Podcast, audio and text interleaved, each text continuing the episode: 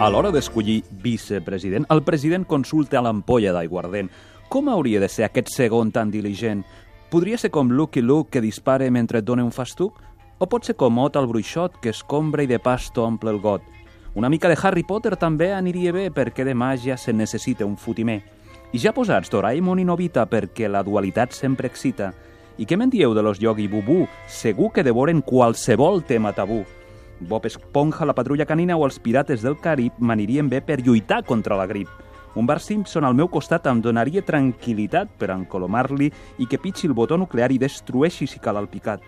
Eus aquí Blancaneus amb Pulgarcito, els tres porquets, el gos Snoopy i el seu secretari Emili i en Simbat, l'Alibaba i en Gulliver, o benvinguts, passeu, passeu, de les tristors en farem fum, a casa meva és casa vostra si és que hi ha cases d'algú.